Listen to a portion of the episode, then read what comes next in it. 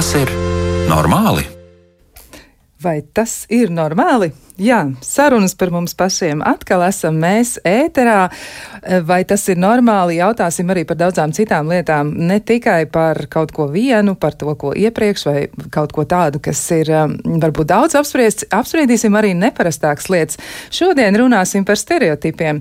Runāsim par to, kā tie ietekmē mūs, kā tie ietekmē mūsu domāšanu un arī attiecības. Studijā Kristiāna Lapiņa pie skaņu pults Kristaps Eida un atgādinu, ka šis ir raidījums par psihisko veselību un dzīves kvalitāti aktualitāti, kurā arvien uzdosim jautājumus par visdažādākajām lietām, tematiem, jomām un par visu to, kas skar psihisko veselību. Un, protams, aicinām jautājumu uzdošanā iesaistīties arī jūs, klausītājs. Jūs savus jautājumus, pārdomas, atziņas vai idejas raidījumu tematiem varat sūtīt uz elektronisko pasta adresi, vai tas ir normāli, at Latvijas radio.lv. Varat sūtīt ziņas arī Latvijas radio mājaslapā, atrodot raidījumu, vai tas ir normāli ziņojumu logu, un, protams, arī varat zvanīt. Tālruņa Tālruņa numurs studijā es atgādināšu ir 67 222 888. Un tā, atgriežoties pie raidījuma temata, kuru šodien esam izvēlējušies apspriešanai, runāsim par stereotipiem. Kā tad tie ietekmē domāšanu, mūsu attiecības un arī tālāko virzību dzīvē, un vai patiesi tiem var izrādīties arī liels un nopietnas iespējas uz mums pašiem. Esam aicinājuši raidījumā piedalīties arī viesus, un pie mums ir psiholoģijas skolotājs, psihologa asistents Valdis Melders. Sveicināts! Sveicināts! Nu. Psiholoģijas skolotājs es biju uh, laikam pēdējo reizi pirms gadiem uh, 25. Jā, bet nu, tāds diploms man ir. Jā. Tāds diploms tev ir, neko nevar darīt, vai arī tieši labi. Nu, nekas arī nav jādara. Tā ir brīnišķīga lieta. Un vēl mēs arī esam ieaicinājuši sarunā centra Mārta pārstāvi un arī fóruma celies koordinātori un stereotipu pētnieci Madaru Kanastu. Sveicināti! Labdien! Jā, nu mēs gribētu eh, tad šodien izpētīt stereotipus un mēģināt saistīt arī tos ar nu, kritisko situāciju, ko mēs piedzīvojam pašlaik, bet tāds neliels ievads, pirms mēs sākam savu sarunu, ir zināms, ka stereotipi būtiski ietekmē ne tikai domāšanu, bet arī tiešām uzvedību un attiecības. Un jau šobrīd pētnieki ir secinājuši, ka stereotipiska pieeja vai uzskati, piemēram, par lomām ģimenē, dažos gadījumos var būt cēlonis izteiktam negatīvismam, vardarbības pieaugumam un arī tādai nesamērīgai smagai psihoemocionālajai un fiziskajai slodzei, kas izraisa dažādas nelabvēlīgas sekas arī ilgtermiņā, tostarp iespaidojot profesionālo sniegumu, pazeminot pašvērtējumu un liedzot dzīvē sasniegt vairāk. Un ir kāds pētījums, kurš jau ir tā teikt nedaudz ar bārdu, bet izskatās, ka dati e, ir tādi paši, kādus mēs varētu iegūt arī šodien. Un kādā pētījumā, kurš tika veikts nu, aptuveni pirms 15 vai pat mazliet vairāk gadiem, kur tika aptaujāt 100 vīriešu un 100 sievietes no 30 dažādām valstīm, tika noskaidrots, ka stereotipu klātbūtne ir jūtama. Un proti, e, respondenti atbildēja, ka vīrieši tātad tiek uzskatīti par dominējošiem, pastāvīgiem, agresīviem, demonstratīviem, uzņēmīgiem un izturīgiem. Savukārt savukārt sievietes par pazemīgām, godīgām, izpalīdzīgām, gādīgām un biedriskām. Nu, mēs gribētu saprast, tad, kuri stereotipi šobrīd ir tie aktuālākie un kā tieši stereotipu klātbūtne var izpausties un kā tas ietekmē mūs visus. Varbūt varētu sākt ar Madaru. Madaru, par cik tiešām ir diezgan daudz nodarbojusies ar stereotipu pētīšanu, varbūt varētu sākt ar definīciju, ko tad īsti nozīmē stereotips vispār. Kas tad tas ir? Jā, jūs man tā paķērāt uzreiz. definīcijas droši vien precīzi nevarēšu iedot, jo tas ir diezgan tāds mainīgs jēdziens. Bet uh, nu, kopumā, ja mēs skatāmies uz stereotipu, kas tas ir, tas ir kaut kāds priekšstatu kopums. Uh, kas mums palīdz kaut ko kategorizēt. Piemēram, nu, arī mums ir, mums ir ikdienā, lai mēs ātrāk spētu reaģēt uz kaut kādām lietām, mums bieži vien ir nepieciešams kaut ko kategorizēt un padarīt vienkāršotu, lai mēs varētu strauji reaģēt, nevis ļoti daudz analizēt. Piemēram, ja ir kaut kas uh, karsts, kam mēs pieduram roku, mums nav laika daudz analizēt un domāt, kas tas īsti ir. Tad mēs esam kategorizējuši, kas ir kaut kas karsts. Un, tāpat tās kaut kādā mērā ir ar stereotipiem, tie palīdz mums tām reaģēt uz, uz kaut kādām lomām, notikumiem. Mēs cilvēkus tieši tāpat kategorizējam kaut kādā veidā pa grupām. Bet ja, kā, nu, jā, tādā, tur ir tā lieta, kur sākas kā problēmas, jo bieži vien tie stereotipi ļauj problematizē mūsu savstarpējās attiecības un mūsu iespējas tālāk dzīvē. Bet es teiktu, ka tā ir tāda vienkārši kategorizācija ar pieņēmumu kopumu. Jā, tātad, tātad pieņēmumi. Nu, iespējams, ka tie pieņēmumi varētu būt arī tādi visnotaļ e, dziļi. Nu, ja mēs tagad mēģinam apsvērt, kuri ir tie aktuālākie stereotipi, varbūt Madara varētu mēģināt iezīmēt to lauku, un tad valdes noteikti varētu papildināt, ko viņš par to domā.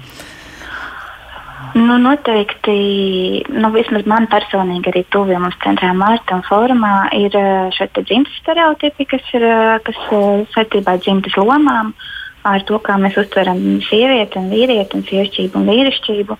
Un kā tas ietekmē tālāk gan, gan profesiju izvēli, gan, gan veselību, gan garīgo, gan fizisko veselību, savstarpējās attiecības.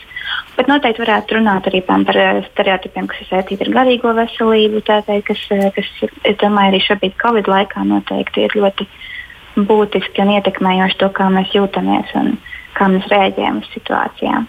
Bet nu, stereotipi jau ir jebkurā mūsu sadzīves situācijā kaut kādā mērā.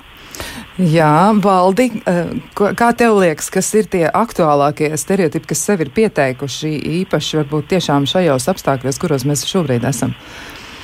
Vispār visos laikos ir ļoti, faktiski viss sarežģītākais jautājums ir uh, katram pašam sev, kas es esmu.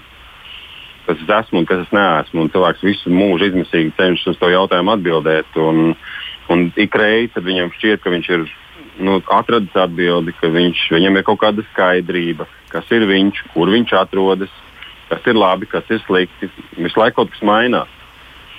Un, uh, tā ir tāds nepārtraukts, nestabils stāvoklis, kas gal galā vienā brīdī sāk izraisīt uh, neskaidrību, nedrošību un varbūt pat agresiju. Tāpēc šis vispār ir ārkārtīgi sarežģīts laiks, jo nu, kaut vai man ir bijusi personīgi tāda situācija, ka Es um, vienā pasākumā pieteicu uh, dāmu apvienību, kas bija piedalījās sarunā par vidi.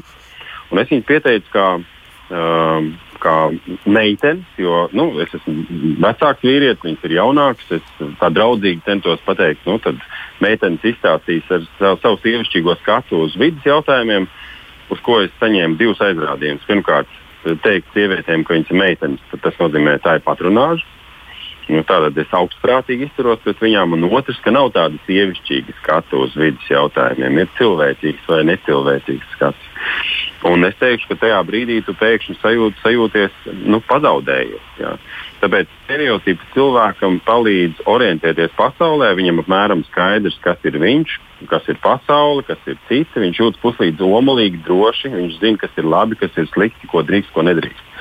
Un brīdī, kad viņš saskat, eh, saskars ar kādu citu skatījumu vai citu pieredzi, tā pirmā reakcija var būt diezgan krasta, noraidoša, un to var saprast.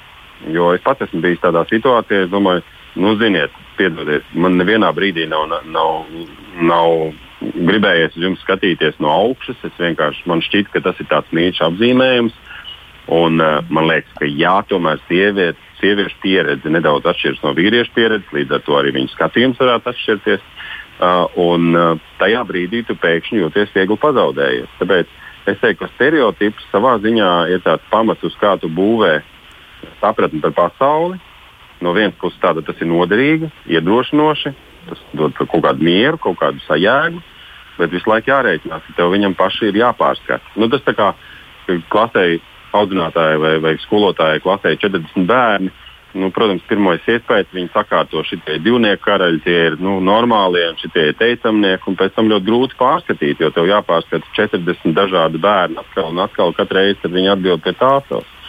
Uh, tas ir ļoti, ļoti sarežģīti, bet nu, es teiktu, ka tādā veidā mēs sev varam pasargāt no ļoti nērtām situācijām. Ja, piemēram, es esmu saskāries ar saviem stereotipiem ceļojot pa pasauli nu, tu, nezinu, tev šķiet, ja tu brauc Dakāras rallijā, tad pavadošajā mašīnā, tad tu brauc glābt vienlaicīgi arī no bada mirstošos afrikāņus. Un pēc tam izrādās, ka viņam absolūti nav nekāda problēma tur. Problēmas tavā galvā. Vai arī, piemēram, tu aizbrauc uz amerikāņu degvielas uzpildes staciju kaut kur Kalifornijā un nemāki motociklu uzpildīt, tāpēc ka viņiem ir atšķirīgs degvielas pistols un pirmā reakcija ir stulbi amerikāņi. Pēc tam izrādās, ka tu pats esi tas stulbenis, kurš tā vietā, lai pajautātu, kā jums strādā pistols, ej sūdzēties, ka jums te nekas nestrādā. Tāpēc no vienas puses tā ir tāda dabiska vēlme pēc kaut kādas stabilitātes un skaidrības, no otras puses mēs paši sev ļaujoties šiem stereotipiem nostādām ļoti nērtās situācijās, kurās beigās tie stulbeņi izrādāmies mēs paši. Jā, tāds ļoti, es teiktu, kolorīts, krāsains, bet ļoti ie, nu, tāds iezīmīgs piemērs par to, kā tas varētu būt. Bet, eh, ja mēs domājam par stereotipiem nu, tādā veidā, ka tie tiešām ietekmē mūs un mēs varbūt ietaupām laiku, arī kā, kā jūs abi teicāt, nu, kā ātri var nonākt pie kāda slēdziena vai secinājuma. Kā tas ir par cilvēkiem pašiem runājot, kā stereotipi varētu ietekmēt viņu augšanu un nu, varbūt attīstību, vai var tā gadīties arī, ka kāda stereotipa izrādās beig beigās kaitējoši? Varbūt, ka šoreiz savukārt sāk valdis un tad savukārt Madara varētu turpināt domu. Nu, Katru reizi, kad es dzirdu, piemēram, kad uh, kāda vecmāmiņa vai mamma saka kaut ko par to, ka tā ir meiteņu lieta vai puiku lieta, vai puikas tā nedara, vai meitenes tā nedara, es, es saprotu, ka viņas ierobežo pašas savu uh, dzīvi un pašu savu bērnu dzīvi. Nu, kaut vai klasiskais piemērs, ja tu puikam uh, nemācītu mājturību, viņš uzskatīs, ka tā ir meiteņu lieta. Ja, un, ja tu meitenei nemācīsi darbmācību, virpošanu un tā tālāk, viņi domās, ka inženierija galīgi uz viņu neatiecas pasaulē tā ir diezgan plaši izplatīta problēma. Um, tieši šobrīd, man liekas, Latvijas lielā iespēja ir tā, ka mums ir ļoti daudz meiteņu, kuras varētu būt izcils inženieris, izcils programmētājs, un mums daudz tādas arī ir, bet viņas nav pietiekamas. Tā kā ja no pašas bērnības cilvēkam tiek teikt, ka nu, viss pasaule ir vaļā un nav tāda puiku vai meiteņu lieta, ja neskaidrs piedod uh, nu, tīri dzimuma noteiktās atšķirības, tad mēs paši saviem bērniem, piemēram, varam dot daudz plašākas iespējas un neierobežot viņus. Nu, Vienamais tev ir divreiz plašāka pasaule. Tas kā iemācīties jaunu svešu valodu. Ja tu iemācies uh, mandrīnu valodu, tu pēkšņi saproti, kur runā miljards 400 miljonu cilvēku. Jā, tiesa, tā tad iespēja būt vairāk. Madara varbūt ir kas piebilstams par šo, kā tad ir ar stereotipiem un iespējamiem ierobežojumiem augot vai mēģinot saprast pasauli.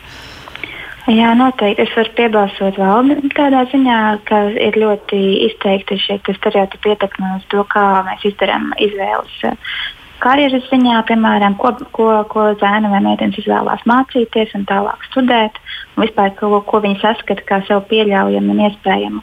Bet vēl viens aspekts, kas ir ļoti būtisks, manuprāt, ir eh, šis aspekts, ir emocijas. Mēs ļoti bieži joprojām sakām zēniem un arī pieaugušiem vīriešiem, neraudēs, svecis, tā teikt, saņemies. Un, eh, kas eh, ļoti konkrēti ved uz, uz, uz šo emociju neizrādīšanu, sevi apslēpšanu, un tam tālāk var būt sekas gan šajā te, um, depresijas uh, līmenī, gan, piemēram, mums Latvijā ir ļoti augsts pašnāvības skaits vīriešu vidē, 4,5 ja nemaldos reizes lielāks nekā sieviešu vidē. Kas arī ir diezgan konkrēti saistāms kopā ar šo emocionālo veselību.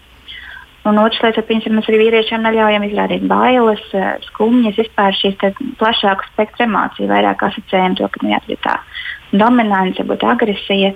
Savukārt sievietēm mēs bieži vien un meitenēm neļaujam tieši izrādīt dusmas, jo meitenēm taču nepienākas dusmoties. Un, tas varbūt atkal jautājums ir, cik tālu mēs ļaujam meitenēm uh, trenēt savu spēju pastāvēt par sevi un tālāk uh, dzīvē, piemēram, pastāvēt par savu viedokli, iz, izpaust veselīgi arī savas kā, dusmu emocijas. Tādā ziņā, ka ļoti, šis ir ļoti sāpīgs jautājums, kur redzam, ka tam ir tiešām liela ietekme uz garīgo veselību arī. Tā. Jā, bet... tev uzreiz, tev uzreiz uh, Kristiāna, nāk prātā arī tas, ka liela daļa stereotipu, kurus mēs esam pieņēmuši, uh, domās paši par sevi, mums ir ierobežojoši. Piemēram, uh, nu, kaut vai piemērs, es uzskatu, ka es kaut ko nespēju vai nevaru, es neesmu gana labs vai neesmu gana profesionāls vai veiksmīgs, vai es, piemēram, uzskatu, ka es neesmu gana ceļojis. Un tu skaties kādu filmu, kur kāds čālis tur izceļojas pa visu pasauli, sēž un raud, jo saproti, ka tu neesi redzējis ne Āziju, ne Antarktīdu, tu nekur neesi bijis. Un, um, un tie ir tādi stereotipi, ko mēs paši sev uzkrāmējam, un tāpēc jūtamies slikti. Um, jo ir īpaši tajā sadaļā par nevarēšanu. Nu, kamēr tu neesi pamēģinājis, tikmēr tu uzskati, esi pārliecināts, ka tu kaut ko nevari. Tad, kad man pirmo reizi bija jāmācās 29 lapušu tekstus, režisoram teica, ka es to nevaru. Tas nav iespējams. To nekad mūžā neesmu darījis. Un, un viņš vienkārši ķerās no viena gala klāt un izrādās, ka tu tīri labi vari. Jā, 29 mm. lapas tas izklausās iespējīgi, bet uh, Madarē bija tā doma, jā, kuru es gribētu mazliet nu, padziļināt un, un apjautāties jums arī vēl par jūsu viedokli. Jā, Madara, jūs teicāt par nu, psihiskās veselības jautājumiem, par to, ka emociju liegums ir uh, nu, teiksim, vienam vai otram dzimumam, un tas noteikti varētu iespaidot mm, cilvēku pašizjūtu, bet kā jums liekas, vai, piemēram, arī stereotips par psihiskās veselības aprūpi, nu, tādā nozīmē, ka cilvēki bieži vien kavē došanos pie atbalsta speciālistiem vai arī pie ārsta, viņi ļoti, ļoti ilgi domā, vai vajadzētu iet. Kur tur varētu būt iesaistīti stereotipi, kā jums liekas? Nu, noteikti domājot par vīriešiem, ir sevišķi, varbūt sievietēm salīdzinoši. Tomēr, nu, tā cik mēs redzam statistiku, man grūti pateikt par Latviju, jo Latvijā šī statistika, manuprāt, man nav bijusi redzama publiski, bet pasaulē ir rādītāji, ka, jā, ka sievietes biežāk meklē palīdzību tieši gan psihisko, gan arī vienkārši tad, kad ir kaut kādas fizioloģiskas vainas. Savukārt vīriešiem šis stereotips par šo te, uh, pašpietiekamību, palīdzības nemeklēšanu noved arī pie tā, ka vīrieši nevēršas pie ārsta gan, gan kā pie psihoterapeita, pie psihiatra, ja nepieciešams. Bet arī, piemēram, ja ir kaut kādas citas saslimšanas, par to arī, piemēram, Fonds November šobrīd runā par vīriešiem, kuri nevēršās uh, pie ārsta, kad viņiem ir prostatas saslimšanas un, un šādas lietas. Tā, tas ir diezgan tāda epidēmiska lieta viscauri attiecībā uz veselības aprūpi. Un tad vēl nu, jā, šis izteiktais, ka īsti vīrietis nemeklē palīdzību un ir, un ir pašpietiekams un kontrolē un, un tā tālāk. Tas ļoti vēd pie tā, ka nu, vīrieši mazāk meklē jebkādu arī, arī vienkārši draugu palīdzību. Salīdzinoši, vismaz Latvijā, diemžēl, nav vispār datu. Tas ir liels trūkums, ka mums praktiski nav šāda veida pētījumi, kas pētītu dažādas dzimtas normas un to saistību ar, ar veselību, ar uzvedību. Um, bet um, ir rādījumi pasaulē, ka vīrieši bieži vien baidās un nemeklē uh, draugu un līdzcilvēku palīdzību, nesarunājas par to, kā viņi jūtas, lai viņi neiztītos vāji. Un, kaut gan viņi izrāda šo vēlmi, un ka viņi gribētu, ja tam aptaujās ar šiem rādījumiem, ka viņi tomēr gribētu ar kādu aprunāties, viņiem bieži vien trūkst šo uzticības arī personu, ar ko to darīt. Jā, tas varētu būt ļoti eh, traucējoši vai arī nozīmīgi attiecībā uz dzīvi kopumā. Pēc tam varētu gadīties arī tā, ka patiesi vairs nav to prasmi, kā vērsties pie citiem cilvēkiem. Valdī varbūt arī komentārs par šo, nu kā ir ar, ar vīriešiem, jo īpaši, piemēram, par emociju neizpaušanu. Kā tev tas izskatās? Um, man liekas, ka paldies Dievam, jaunākajai paudzei tāda problēma nav. Viņi pat varbūt reizēm ir pārāk tieši. Um, no otras puses, protams, ka tātad, tas labāk, divas labākas lietas, ko esmu novērojis, kuras manā, manā vecumā trūka uh, bērniem, kad mēs augām, trūka tādas uh, emocionālas tuvības un tīri, uh, tīri kā lai to saka, nu, tāda samīļošanās, tāda mīluma, fiziska mīluma. Un otra lieta, ka mēs nemācījām runāt par tām emocijām, mēs nemācījām viņas nosaukt prā, uh, vārdā. Turklāt mums, mēs nedrīkstējām runāt. Nu, nedrīkstēja jaukties pieaugušo sarunās, nedrīkstēja runāt viņiem pretī un tā tālāk. Um, nu, kaut vai stroks, uh, vai kā to čalis tur sauc, kas, kas bija tas, kas neļāva ņemt zīdaiņus rokās, jo viņi tur pieredzējuši. Spoks, jā, Benjamins Spoks, jā, Spoks, bija tāds jā, ļoti, jā, ļoti populārs jā, autors. Jā. Jā. Jā. Nu, lūk, un, un, un tas, tas, kādā vidē es augstu, bet tas, ko es novēroju, ka tomēr man liekas, ka mani paudze, manai paudzei izdevies ir lauzt to, to aburto loku, kurā nemīlēti rada nemīlētus. Un šobrīd vismaz, nu, es esmu novērojis, ka mana, mana vecuma un nedaudz jaunāki tēvi gan ar bērniem spēlējas, ļoti rūpīgi sarunājas, uh, um, arī rūpējas par viņiem un mīļojas. Es nedaudz mierīgāk uz to skatos ka nu, tā situācija uzlabojas. Mm. Bet uh, arī, protams, šobrīd ir ārkārtīgi liels problēmas pusaudžiem un bērniem tikt galā ar to milzīgo spriedzi un neskaidrību saistītu ar mācībām, ar viņu vecāku situāciju bieži vien. Tā tā, un, un runājot par tiem pašiem psihoterapeitiem, pie kuriem tad vajadzētu vērsties. Šobrīd viņi, pie viņiem nemaz nevar tikt. Jā.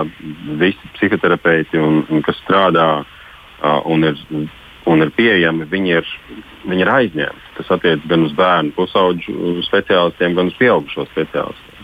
Jā, tiešām tas ir tāds grūts laiks, kurā visi mēs šobrīd esam, tā teikt, un mums jāmēģina ar to tikt galā.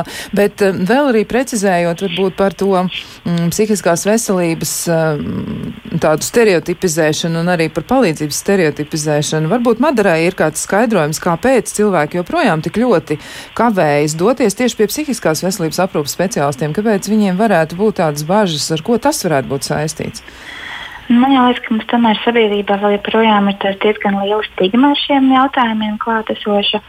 Un mēs asociējam jā, vēršanos pie palīdzības pie psihoterapeita kā, kā tādu galējo soli, ka tas ir kaut kas, kas jau ir ļoti slikti, tad varbūt mēs meklējam palīdzību. Bet, um, nu jā, mums nav šī kultūra tik ļoti iegājusies. Es domāju, tur ir gan, gan, gan padomu laika, varbūt šie stereotipi joprojām, kad ši, par šīm lietām nerunājam. Un, un, um, vispār nu, jā, tāda palīdzības, varbūt nemeklēšanas aspekts, kas mums dominē tomēr sabiedrībā. Un tas varbūt ir grūti pateikt, vai, tas, vai varētu teikt, ka tas ir mentalitātes aspekts, bet kaut kā šī turēšanās pie sevis un, un, un, un mēģināšana tikt galā pašu spēkiem kaut kādā mērā droši vien nospēlē lomu. Nu, bet, uh, iedomājieties, Piedodiet, Margarita, ka es iejaucos, bet iedomājieties, mums no bērnības uh, nu, Lāčplēša tēls. Viņš jau nenogrūda to tumšo bruņinieku. Viņš leca līdzi. Ja? Viņi abi divi iegāzās tur. Vai uz ežiņas galvu likt. Nu, varbūt ir svarīgi nomirt par tēvzemi, vai svarīgi nomirt par kaut ko. Nevis izdzīvot, bet nomirt. Varonīgi iet bojā.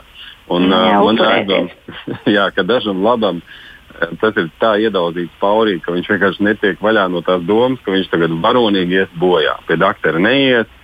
Nu, varbūt, ja viņš vēl ir sagājis ragos, nezinu, ar darbu kolēģiem vai ar, vai ar dzīves biedru, nu, tad viņš arī tiem pierādīs. Ja? Uh, nu, parādīs. Ja, nu, tāda, piedod, bet ir tāda reizēm bērnišķīga sajūta. Es pats sevi reizēm pieķeru pie domas, tad, kad esmu uz kādu apvainojies, tad, nu, tad es jums tagad parādīšu. Ja. Tā kā, ir kaut kāds zināms bērnišķības aspekts tajā visā. Jā, tādi ļoti konkrēti stereotipi tam visam skan cauri. Ja es būšu stiprs, tas, ko jau Madara arī iepriekš pieminēja, ka es ne ar vienu nerunāšu, cīnīšos līdz pēdējam, kā saka, jā, vai arī mēģināšu iztikt viens pats. Bet uh, mums arī klausītāji uh, saka dažus vārdus, un viena no klausītājām jautā, nu, biežāk, un arī viņa tā raksta, ka stereotips ir vārds ar negatīvu nokrāsu, bet vai stereotipi var būt arī labi, taču ne jau vienmēr cilvēki par citiem pieņem, nu, vai no citiem uh, pieņem pieņemt sliktas lietas vai par citiem domā sliktas lietas. Varbūt Madara sāk šoreiz. Kā, kā tad ir? Mēs, protams, kaut kādā mērā stereotipi nav vienmēr eh, slikti un vienmēr kaitīgi. Tur ir kaut kādi arī labi rādītāji. Tas jautājums ir, principā, vai tas ierobežo mūsu dzīves telpu, vai tas maina to, kā pret mums izturās. Uh, bet, um, ja tas netraucē un nesāpina nevienu, tad, protams, arī daži stereotipi var eksistēt, un viņiem nav, nav nekādas vainas. Tas ir lielā mērā jautājums par to, kā mēs to uztveram un kas jā, šī dzīves telpas ierobežojumi. Piemēram, ja mēs ierob, uzskatām, ka sievietēm kaut ko nepienāktos darīt, mēs, ier, nu, mēs ierobežojam šo dzīves telpu. Attiecīgi. Bet, ja mēs uzskatām, ka nezinu, zilas mašīnas ir sliktākas kā sarkanas, nu, tur liels kā, liekas, sāpes nebūs vai nekas kas īsti. Varbūt nenāk prātā neviens tāds pozitīvs stereotips tagad uzreiz, bet um, es domāju, ka noteikti kāds arī eksistē. Kāds noteikti, nu, jā, varbūt valdim ir kāds piemērs. Nu, redzi, it kā pasakās mums māca, ka vilki ir slikti un čūskas ir sliktas, un, un ka nu, tā doma ir tāda, ka tas ir veids, kā mēs iemācāmies pasargāt sevi no potenciālām briesmām, tur ir diezgan daudz gudrības iekšā. Tāpēc tie vilki vienmēr ir sliktie un, un arī čūskas tās viltīgās. Jā. Jo tu jau nevari, bērns būdams, varbūt uzreiz atšķirt to kaparu čūsku no tās glodenes vai to odzi no tās augšas savas sitienu bailēs. Tāpēc drošības pēc labāk no visiem piesargāties. Tātad tie sargājošie stereotipi tomēr var būt arī nu, pozitīvi, jo viņi tev pasargā no kaut kādām briesmām. Tā problēma ir tāda, ka mēs uh, nu, nespējam varbūt tik niansēti domāt, tīpaši stresa uh, noguruma situācijās. Mēs tik niansēti nevaram izdomāt. Tad tos vilkus labāk visus nu, iznīcināt, un visus lāčus drošības pēc un lūšus arī, jo viņi var kādā brīdī tev uzbrukt. Tā kā tie ir labi stereotipi, bet nu, tiem ir vajadzīga arī niansēta pieeja. Lai nesanāk tā, ka vilks ir sliktais arī tad, kad tev ir ne tikai 10 gadi, bet arī 40 gadi. Nu, tad jau tad tas vairs nav nekāds labais stereotips. Jā, jā tā, tā tad tomēr ir, ir, ir arī kas tāds, kas varētu mums palīdzēt kādā grūtā brīdī izdzīvot. Jā, nu ko, mēs turpināsim sarunu par stereotipiem pēc ļoti, ļoti īsa brītiņa. Nepazūdiet!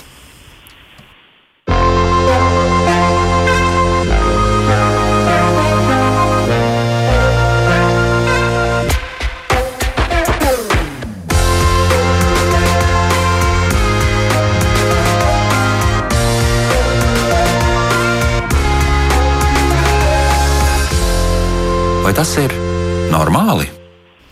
Vai tas ir normāli, ka mums ir stereotipi un ka mēs domājam reizēm stereotipiski, vai arī izmantojam tādus, tādus kā īsceļus, lai ātrāk atrastu risinājumu? Par to runājam šodien, un e, mūsu sarunu biedri šodien ir psiholoģijas e, skolotājs senā pagātnē, jā, bet šobrīd arī cilvēks, kurš ļoti labi orientējas psiholoģijas jautājumos, Valdis Melders un arī resursu, jeb centra Marta, tā laikam ir precīzāk, mūsdienīgāk teikt, un arī fóruma celies koordinātori un stereotipu pētniece Madara Kanasta. Bet eh, vēl gribu atgādināt dažas lietas eh, mūsu klausītājiem. Mēs raidījuma laikā atbildām uz jūsu jautājumiem. Jūs varat tos iesūtīt e-pastā, vai tas ir normāli, at Latvijas radio.lv un izmantot arī ziņojumu logu Latvijas radio mājaslapā. Varat mūs arī sazvanīt pa tālruņa numuru 6722, 888. Un esam jau saņēmuši ļoti vērtīgus ierosinājumus nākamajiem tematiem. Mēs noteikti arī atbildēsim uz katru ierosinājumu un sniegsim atbildi arī e-pastā. Tātad uzrakstot elektronisko rakstisko atbildes vēstuli.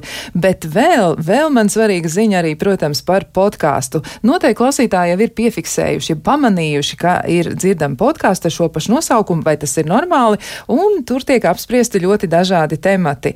Arī jūs varat pieteikties podkāstu ierakstam un varat jau noklausīties dažus Latvijas Radio viens mājaslapā, vai arī izmantojot LSM, jeb Latvijas sabiedrisko mēdīju mājaslapus lapas. Un, Podkāstos ir apspriesti patiesi dažādi temati par to, kā pieņemt pārmaiņas, kā pārciest zaudējumu, vai arī ko darīt tad, ja visu laiku liekas, ka neesi pietiekami labs. Noteikti izmantojiet iespēju pieteikties un atgādinu, ka to var izdarīt ļoti vienkārši, rakstot uz e-pastu, vai tas ir normāli, at Latvijas radio.lv.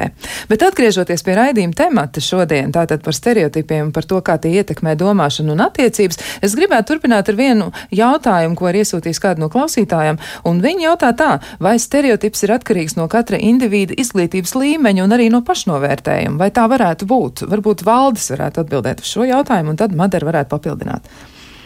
Man liekas, ka tas ir saistīts ar emocionālo inteligenci, maz, mazāk ar, ar izglītību, jo izglītība, nu, kaut vai pašā vārdā izglītība, tātad ir kaut kas, kas ir glīts un kas ir neglīts, kas ir pareizi un kas ir nepareizi. Un, um, jo vairāk tu mācījies, jo nu, labi, liela daļa cilvēku saprot, ka jo vairāk tu zini, jo mazāk tu zini. Tad lielai daļai piedod tādu sajūtu, ka viņš zina, kas tas ir. Nu, piemēram, um, pieminot to pašu stāvizrādi, kas man bija jāmācās, tad 29 lapas. Uh, izrāda bija par seksu, par, tā, par to, kā komunicēt uh, partneriem savā starpā seksa jautājumos. Un uh, visgrūtākais man bija iemācīties vienu lietu, ka, lai ko auditorija atbildētu uz kādu jautājumu, Es nesaku, jā, pareizi vai nē, nepareizi. Es saku, hmm, interesanti. Jo pirmkārt, viņiem viss ir pareizi vai arī nepareizi. Katram cilvēkam tas ir pilnīgi citādāk. Un visgrūtākais bija iemācīties, ka nav pareizi vai nepareizi. Nav labi vai slikti, ir, ir hmm, citādi, interesanti. Tāpēc ar to izglītību reizēm ir tā, ka Jo šeit tu tik daudz mācījies, ka tagad tu zini, kā ir pareizi. Tur tas risks varētu būt. Bet, manuprāt, stereotipiem tomēr lielāks sakars ir ar emocionālo inteligenci, ar spēju saprast savas emocijas, noķert sevi pie tā brīža, kurā tu kļūsti prātā slinks. Jo stereotipi rodas brīdī, kad, tu, kad tev, tev paliek slinkums domāt vai vērtēt viss ir vai nu melns vai balts. Tu sāc sekli domāt, tu sāc uh, dalīt cilvēkus pēc ādas krāsām, pēc valodām, pēc nacionalitātes, pēc dzimuma. Tā ir tā, tā, tā slinkā domāšana. Tas ir mirklis, kurā piezog stereotipi. Tas var būt vienkārši tāds īslaicīgs stāvoklis. Nu, piemēram, ja esmu dusmīgs un uh, pie vainas ir piemēram mana sieva, nu, tad visas sievietes ir vienādas. Bet es pārēju. Bet ir Bet ir arī tādas situācijas, nu, ka tu netiec ārā no tās plakanās, uh, seklās domāšanas. Un tad sev ir vērts atgādināt, ka, klausies, čāli, tu vari labāk. Jā. Tu, nu, gal galā, nu, kas tas par vietu, ka tu dāli cilvēkus pēc tik ļoti seklām pazīmēm. Uh, bet, lai tas būtu iespējams, tev jāspēj notvert sevi pie šīs domas vai notvert sevi pie šīs sajūtas. Un tur tā emocionālā inteliģence ir svarīgāka nekā izglītība. Jā, varbūt Madarai ir vēl kas piebilstams. Mm, jā, nu tā emocionāla inteligence varētu noteikti būt viens no tiem aspektiem, bet arī nu, kritiskā domāšana. Tas, cik ļoti mums ir attīstīta kritiskā domāšana, spēja noķert, ka uz manis, e, uz manis šobrīd iedarbojas kaut kāda, piemēram, reklāmas mēdī, ka es, e, ka es dodos kaut kā pavadā, ka tas varbūt, ka es esmu pieņēmu kaut ko nekritiski un, un nedomājot par to, vai tam tiešām ir e, patiesa izcēlesme, vai tas ir um, vai tas ir aktuāli manā dzīvē un kā tieši tas izpaužās. Un ir ceļš tur tām mēdīju un reklāmas ļoti iedarbojas arī uz jauniešiem. Tas ir vēl viens mūsu tāds cenšs mārts arī darba, darba joma, kurā mēs strādājam tieši ar jaunības programmām. Un tur mēs ļoti daudz ar jauniešiem diskutējam par to, ka, ko tad uh, nodara arī dzimtas stereotipi mēdījos un reklāmās, un kā, kā tas ietekmē piemēram viņu ķermeņa tēlu, kā viņi uztver sevi, par ēšanas traucējumiem, par dažādiem citām garīgās veselības arī problēmām, kas parādās, ja tu net, netiec līdzi un nespēji uh, pielāgoties tam, kā, kā izskatās uh, cilvēki mēdījos, reklāmās, žurnālos, uh, tagad Instagramā un TikTokā un visur.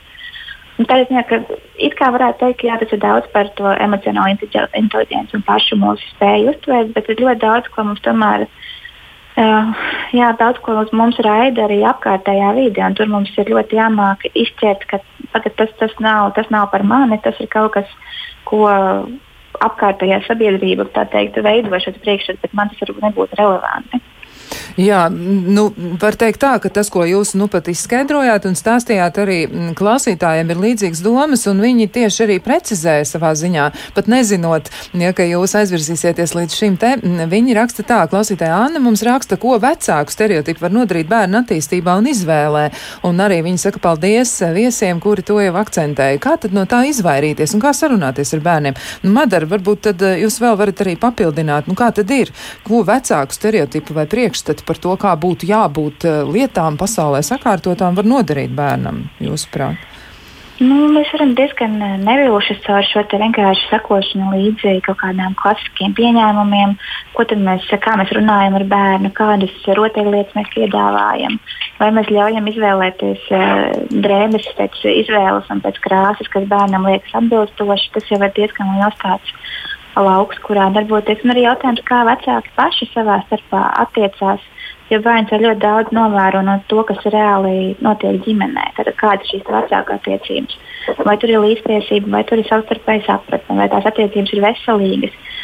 Sarunu veids, vai tēvs, piemēram, jā, iesaistās ģimenes dzīvē pietiekamā daudz, un attiecīgi gan meitene tālāk pārņem šo priekšstatu, ka ir normāli, ka mēs dzīves partneris pēc tam būs iesaistīts. Gan arī puiši pārņem šo priekšstatu, ka jā, ir ok, ka es iesaistos un man ir būtiski būt daļai no rūpju darba, daļai no bērna audzināšanas.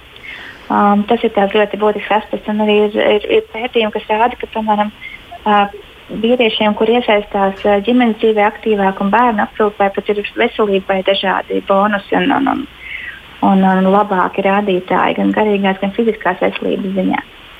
Jā, tas izklausās labi. Um, nu, vēl arī no valda varbūt kāds komentārs. Nu, kā tad ir ar tiem stereotipiem, ko vecāki mēģina iedvest bērniem? Nu, piemēram, stereotipi par profesiju, izvēli vai ko tam līdzīgu. Vai tas varētu būt arī kaitējoši un, un gal galā nu, tāds negatīvs rezultāts varbūt tam visam varētu būt?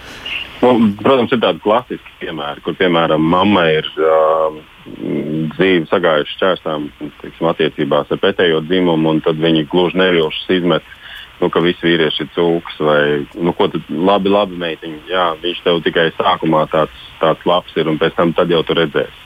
Nu, ir ļoti grūti pieļaut domu, ka tā ir tava vaina vai nu, ka, labi, tas ir arī tavs ieguldījums, ka kaut kas nav bijis kārtībā ar attiecībām. Nevis ka visi vīrieši ir cūks, bet uh, nu, bērnam nevilšu, tu iesēdini to apziņu, ka no vīriešiem labāk uzmanīties. Un tas bērns arī ne, nekad nevarēs izveidot tādas uzticības pilnas attiecības ar pretējo dzimumu. Tā, tas ir tāds klasiskais piemērs. Nu, tikpat labi arī ar, ar, ar tēviem varbūt nav stāsts jau tikai par sievietēm vai vīriešiem. Tam dzimumam šajā gadījumā nav nozīme. Bet otra lieta, piemēram, reizēm tu dzirdi, kā vecāki saka bērniem, dzirdot, tie skolotāji ir stulbi, vai tā stulbā valdība, vai tā stulbā valsts. Tu faktiski laupi tam bērnam ticību viņa paša nākotnē, jo apkārt ir vien vienīgi idioti. Tāpēc vecākiem ļoti vajadzētu nu, pie, pievaldīties bērnu klātbūtnē, izmest tādas vispārīgas, absolūti vispārinošas piezīmes par visiem deputātiem vai par visiem uh, skolotājiem vai par uh, visa, visu valdību. Tikko notiek tāda vispārināšana, skaidrs, ka ja te ir gadījums ar stereotipu. Tikko tu dzirdi vārdu visi, neviens, vienmēr, nekad, tas ir tas melns balts, tas ir stereotips. Gatavs slinkā domāšana.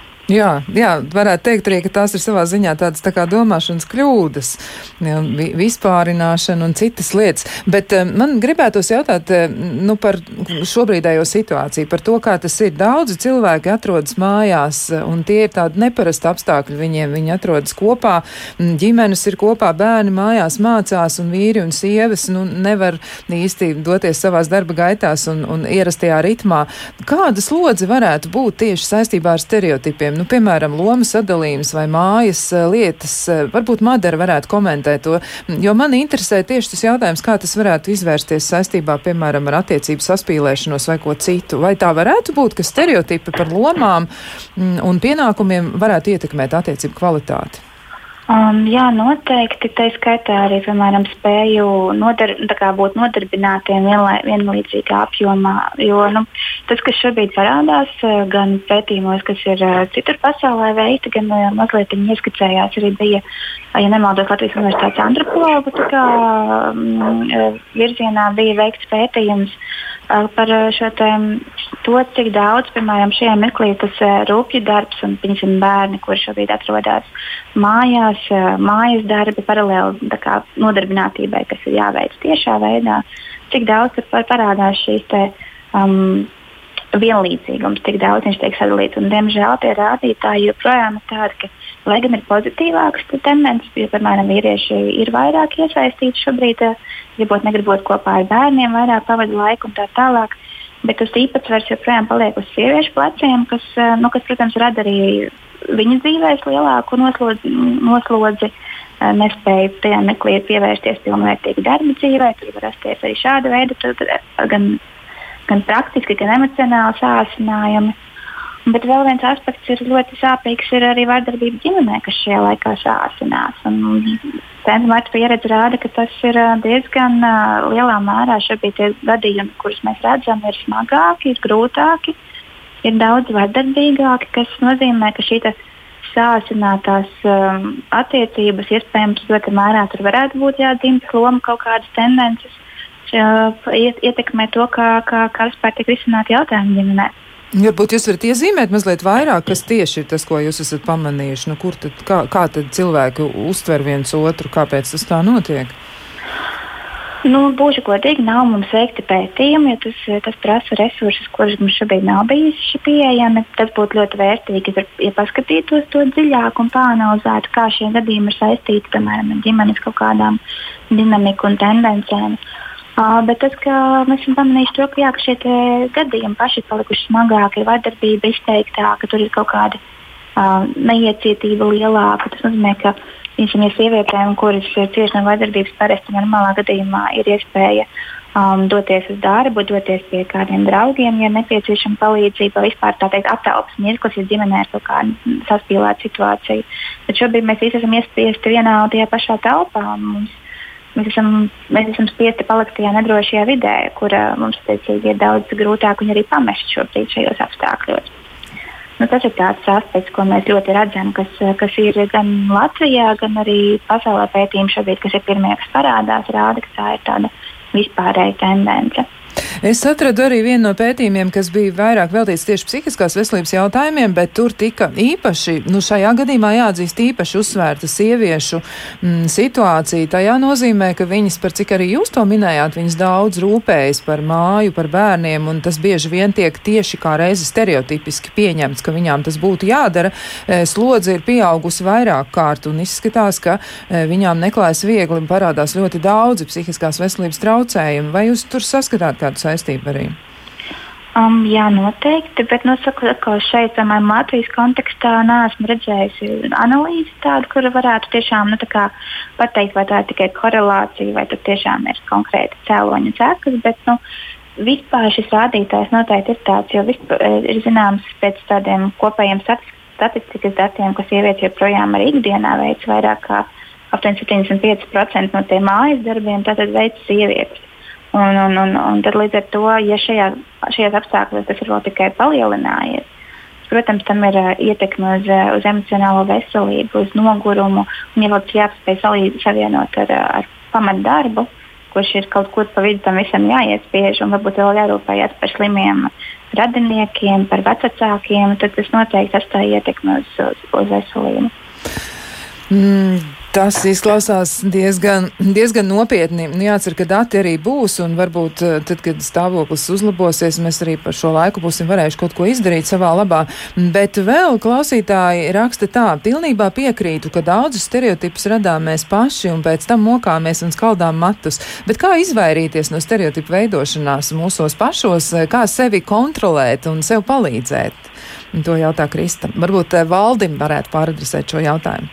Es klausījos par to esošo situāciju un par to, kā, nu, cik, cik sarežģīti, piemēram, sievietēm tikt galā vēl ar papildus slodzi.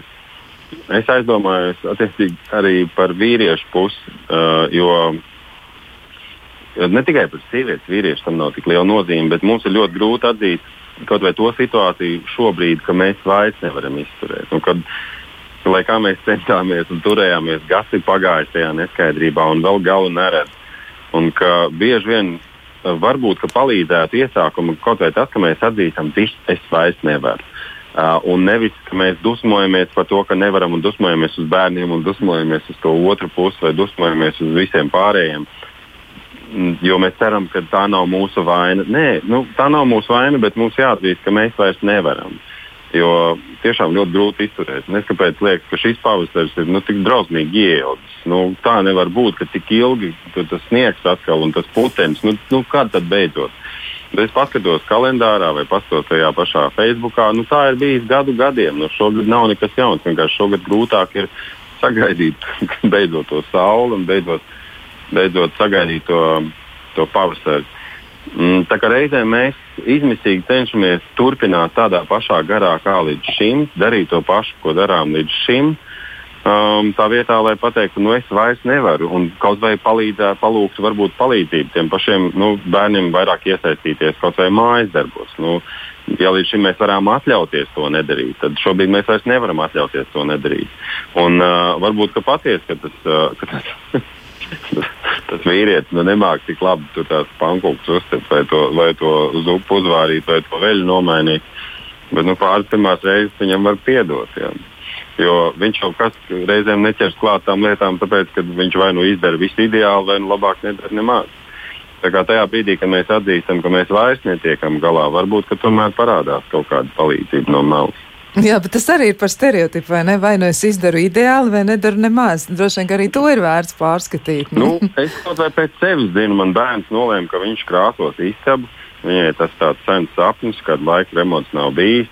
Nu, viņa pati tikšot galā. Nu, es, nu, labi, ok, bet tu, redzi, ka viņa pati tur ņemās tur to istabu, nu, taču tev jāiet palīgā pareizi. Un tu dusmojies sev, ka tāds haltūrists, nu, kurš tā paktelē, nu, kurš tā krāso, ārprāt, kā tā siena izskatās. Un tu pats sev lamā, bet dusmojies jau tos bērnus. Bet viņš gribēja to remontu taisīt. Nu, kas viņam liks tagad remontu taisīt? Nu, atradis laiku, kad remontu taisīt. Bet ir brīvlaiks, un bērns izdomāja taisīt remontu. Un brīdī, kad tu atzīsti, ka tu neesi ideāls, nu, ka tu netiec galā, nu, tad varbūt tad tā, tad, tad, tas sākums ar, ar iesaistīt arī citus. Bet tas par tiem, par tiem stereotipiem tiešām, nu, tev šķiet, ka tev jābūt nevainojamam, ka tev jātiek ar visu galā. Nu, var gadīties, ka tas risinājums nāk brīdī, kad tu atzīsti, ka tu neesi nevainojams un nevari tikt ar visu galā. Tas varētu būt pirmais solis, tāda, tāda stereotipa pārskatīšana. Bet um, nu, vēl man, protams, arī gribas jautājumu uzdot par um, nu, tieši par tiem uzvedības modeļiem. Vai var tā būt arī, ka uzvedības modelis tiek noteikts, nu, tā kā saķēdējoties vairākiem stereotipiem kopā, un tad beigu beigās mēs varam nu, nonākt pie tā, ka tiešām ir tādas nopietnas problēmas, jo reizēm arī, nu, piemēram, depresija vai, vai trauksmes traucējumi, ja, tas arī noteikti ir saistīts ar to, kā cilvēks cilvēks jūtas, kā viņš uztver pasauli, kā viņš uztver pats sevi. Vai varētu būt arī tā, ka tie ir tādi kompleksi uzvedības un priekšstatu modeļi, kas galu galā varētu aizvest cilvēku līdz tik lielām grūtībām? Varbūt Madara tad uh, uzsāk komentāru. Um, bez šaubām, sākot no, no pieņasim, tie ir elementāri ēšanas traucējumiem, kas ir sevišķi jauniešiem rodās, tie noteikti ir saistīti ar stereotipiem, kādam būtu jābūt, kādai būtu jābūt meitenei, bet šobrīd īstenībā parādās arī tendence arī, arī zēnu vidū, ka ēšanas traucējumi un šīs priekšstats par to par ķermeņa izskatu arvien tāds sāpīgāks jautājums parādās. Bet arī, piemēram, šis pats depresijas jautājums noteikti ir uh, iet kopā ar to, ka, nu, jā, kas, kas tiek no manis sagaidīts, kā no, kā no cilvēka, kā no sievietes, no vīrieša, uh, ko no manis varbūt sagaida partneri vai ģimenes locekļi vai darba, darba vidē. Tad šis viss ietekmē to, kā mēs jūtamies, un tālāk jau tas ātri vien var aiziet pa spirāli uz priekšu. Un, un ir daudz aspektu, kas tam nekādā veidā nepalīdz. Ja, ja mums arī sabiedrībā nav, piemēram, pieņemts, tad meklēt palīdzību vai, vai runāt par garīgo veselību kā kaut kādu normālu jautājumu. Tas vēl palīdz tam klāt. Tad vēl kāds izmet kādu komentāru, ka nu, mums taču pašiem jātiek galā, tad vēl kaut kas, un tas akumulējas šī sāpe.